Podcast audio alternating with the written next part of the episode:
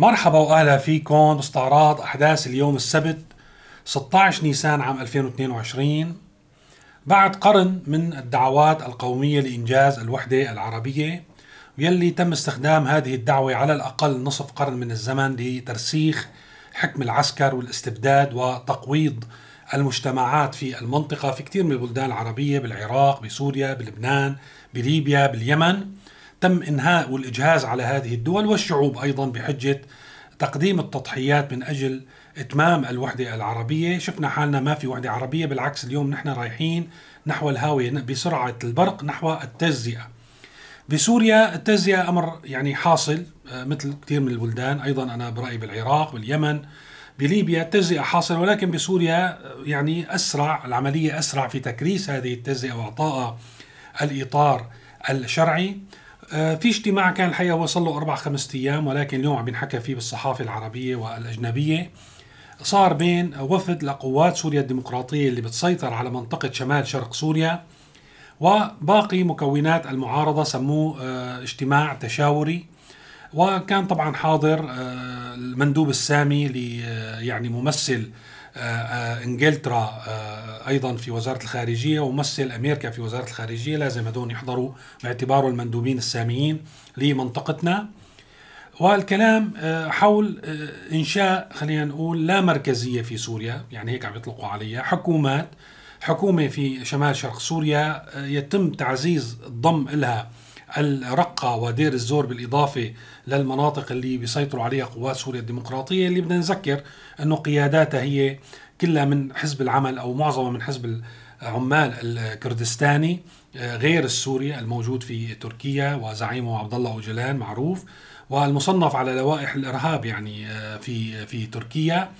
فإذا هذه الحكومة الأولى وفي دعوات لتوحيد الحكومات اللي هي حكومة الأنقاذ حكومة الجولاني في في إدلب هيئة تحرير الشام والحكومة المؤقتة اللي هي بتمثل الائتلاف يلي بيمثل مرة ثانية رسميا المعارضة السورية. بده يدمجون في جسم واحد ويصير في عندنا منطقتين منطقة في الشمال الشرقي ومنطقة في الشمال غربي. طبعا هدول المناطق بحسب الاجتماع وما تسرب عنه وبوجود آه، الممثلين آه، عن الخارجية الأمريكية والبريطانية رح يتم رفع العقوبات عنهم بطريقة أو بشرط أو من خلال إجراءات لا يمكن لمناطق النظام أن تستفيد من عملية رفع العقوبات بهذه الطريقة. طبعا يلي عم ينحكى تحت اسم اللامركزية هو الحقيقة أكثر من لا مركزية يعني وضع مثل سوريا لا مركزية معروفة يعني آه، لا مركزية نظام جيد آه، إنه أنت يكون في عندك بلديات آه، بتطلع بالانتخابات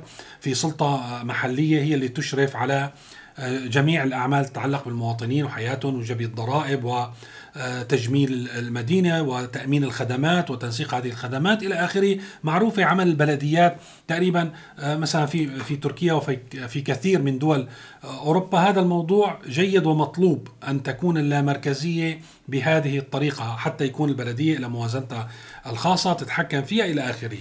آه، ولكن اللامركزية اللي عم بتصير بسوريا هي إنه يكون في عندك حكومات يعني منفصلة يكون عندك في جيوش منفصلة.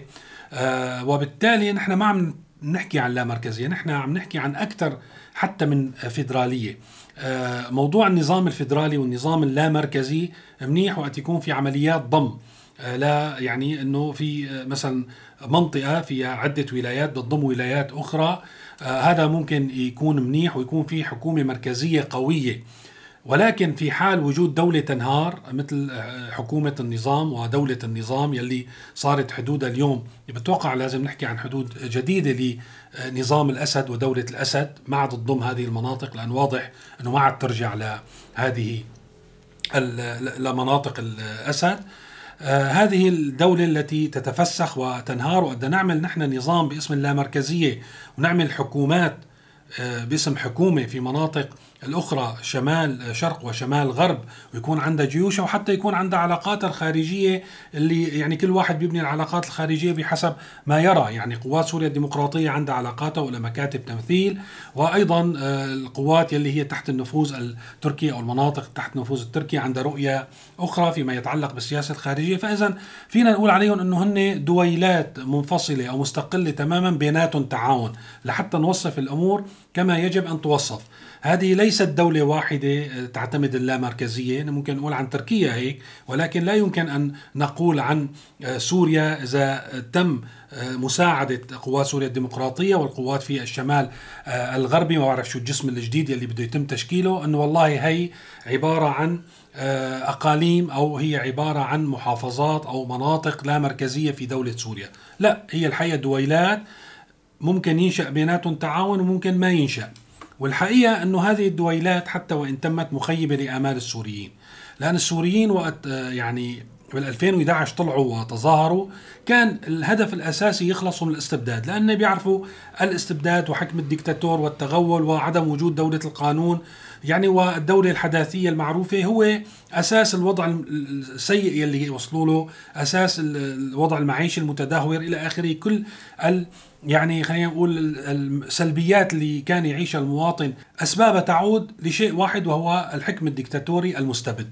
فإذا نحن اليوم شو عملنا؟ يعني شو شو الفكرة؟ إنه نحن جينا قسمنا سوريا وعملناها عن دويلات ونصبنا على هذه الدويلات أيضا حكم استبدادي نزلوا آه، يعني الحكام تبعه بالباراشوت على هالناس.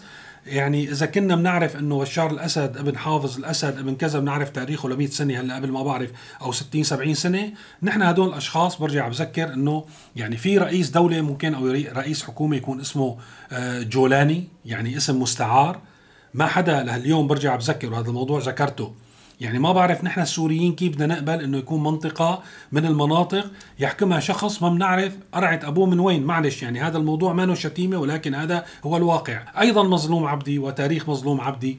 الموضوع مرة تانية ما شخصي مثل وقت نحكي على بشار الأسد. نحن عم نحكي لمصلحة الشعب السوري. والشعب السوري حقيقة خرج لكي يبني دولة واحدة ديمقراطية آه، يتخلص من الاستبداد يتخلص من الدكتاتورية يبني دولة القانون والمؤسسات وينتقل إلى مرحلة أفضل مو لحتى يجزئ سوريا وعلى هالأجزاء يحط حكام عسكريين مستبدين. ما يمكن أن اليوم تفعله في مناطق النظام لا يمكن أن تفعله في المناطق الأخرى. يعني طلعنا من سيء إلى أسوأ. ويلي بده يقول لي مرة ثانية إنه والله لا بس هنيك شوي بياخذوا رواتب أكثر أو في مي أو كهرباء. كان عندنا قبل 2011 مي وكهرباء وكان ماشي حالنا بهالمقياس اللي عم تحكوا عليه ولكن ليس هذا هو مطلب السوريين. يعني حتى مرة ثانية إنه هدول الدويلات يلي بده يتشكلوا بهالطريقة وهو الناس بس يعني صار بدها حل أي حل ممكن يصير رح تقبل فيه. ولكن هذا الحل حقيقة ما رح يستقر ما رح تكون هذه المناطق مستقرة ومزدهرة مثل ما بيسوقوا. رح يصير في تقاتل وتناحر داخل هذه الدويلات ونتجه من المقسوم إلى المقسم إلى التفتت والتفسخ مثل ما بنحكي دائما.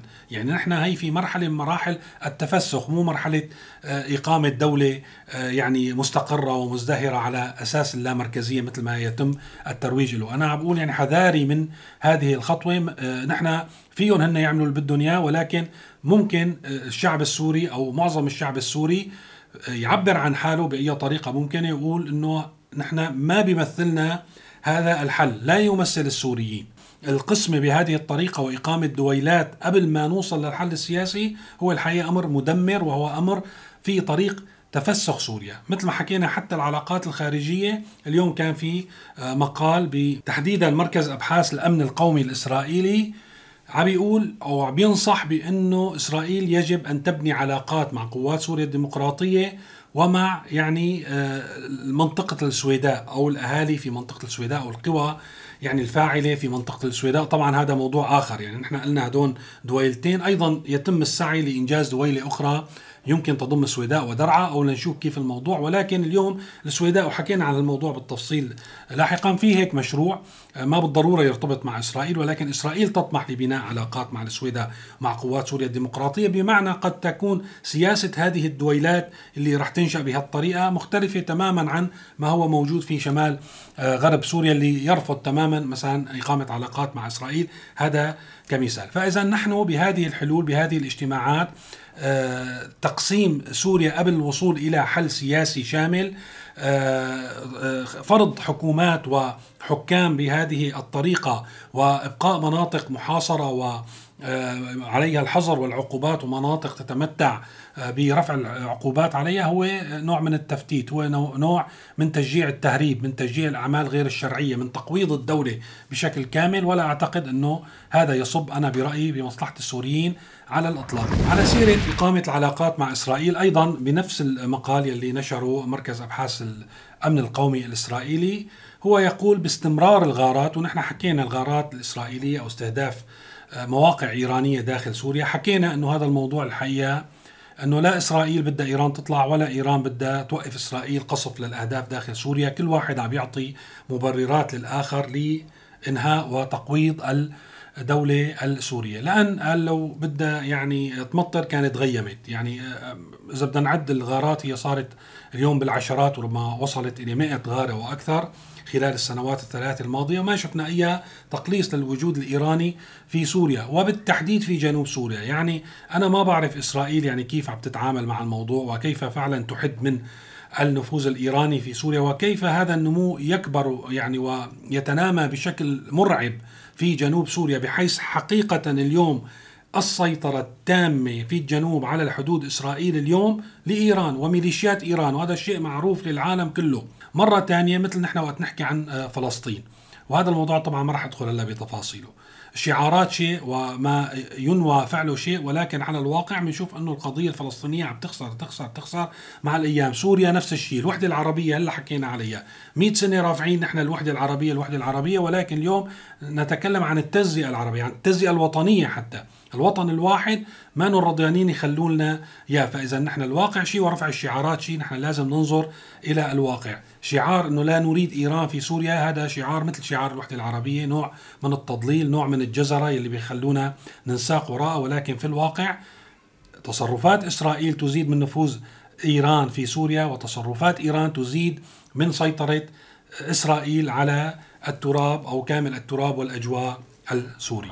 آخر شيء بدي أحكيه اليوم متابعة لي آه، يعني تسجيل كامل حكيت فيه امبارح عن آه، غيوم سوداء يعني في سماء آه، مستقبل اللاجئين إلى أوروبا وحكيت عن موضوع فيكم تشوفوا التسجيل يعني بالتفصيل حكيت عنه عن موضوع اتفاقية صارت بين إنجلترا والمملكة المتحدة وراوندا يلي هي في أفريقيا الوسطى لنقل اللاجئين يلي بيوصلوا بشكل غير شرعي إلى إنجلترا بينقلون إلى رواندا وبيحاولوا يعطون لجوء في هذه الدولة. وبالمقابل آه، تحصل رواندا على مساعدات إنجليزية بملايين الجنيهات الاسترلينية. اذا آه، هذا كان الموضوع. قلنا في خطوات آه، يعني صارت بحسب الخبر اللي استعرضناه امبارح. في يعني كان تلميح بأنه القوانين الحالية كافية لإنجاز هذه الاتفاقية. في زيارات صارت لوسائل الاعلام من البي بي سي لحتى يشوفوا مراكز الإيواء. في زيارات لمسؤولين آه، إنجليز زاروا راوندا ورتبوا الموضوع. وفي إعلان من راوندا أنه الاتفاقية تمت. اليوم طبعا في انتقادات في المقابل ولكن بيحاول بوريس جونسون أنه يدافع عن وجهة نظره بأنه هو بيقول إنه رواندا بلد آمن وبلد منيح يعني شو المشكلة إذا نقلنا اللاجئين عليه؟ يقول بأنه تحولت رواندا على مدى العقود القليلة الماضية إنها دولة مختلفة تماما عما كانت عليه لأن رواندا معروفة بالحروب الأهلية والمذابح اللي صارت فيها. موضحا تم درس هذا القرار والتحضير له على مدى الأشهر التسعة السابقة. اذا في تحضير جيد لهذا القرار ويضيف لنكن واضحين رواندا هي واحدة من أكثر البلدان امنا في العالم معترف بها عالميا لسجلها في الترحيب بالمهاجرين واندماجهم وأعلن بأنه يريد تسليم تذكرة دون العودة الذهاب دون العودة one way ticket إلى المهاجرين الأوائل إلى رواندا في غضون ستة أسابيع، فاذا هذا القرار في وضع في التنفيذ ويعني نحن في المراحل الأخيرة وأنا أعتقد بأننا سنرى يعني نقل مهاجرين من إنجلترا إلى آه، راوندا. ما بعرف إذا هذا الموضوع للتلويح ولكن واضح في خطوات جدية وفي اتفاقيات في مصاري اندفعت. فعلى الأغلب رح نشوف إنه في مهاجرين وصلوا لانجلترا رح يتم ترحيلهم لرواندا وحكيت بتسجيل امبارح إنه أخشى أن تكون هي خطوة أولى آه، يتبع خطاها أو تتبع هذه الخطة كثير من الدول الأوروبية في المستقبل. ويصبح اللاجئ السوري وسواه من اللاجئين الذي وجهته أوروبا يرى نفسه فجأة في أحد الدول أفريقيا أو غير الأفريقية التي لم يكن يخطط بأن يكون مستقبله ومستقبل أولاده يعني في مثل تلك البلدان. شكرا لمتابعتكم وإلى اللقاء.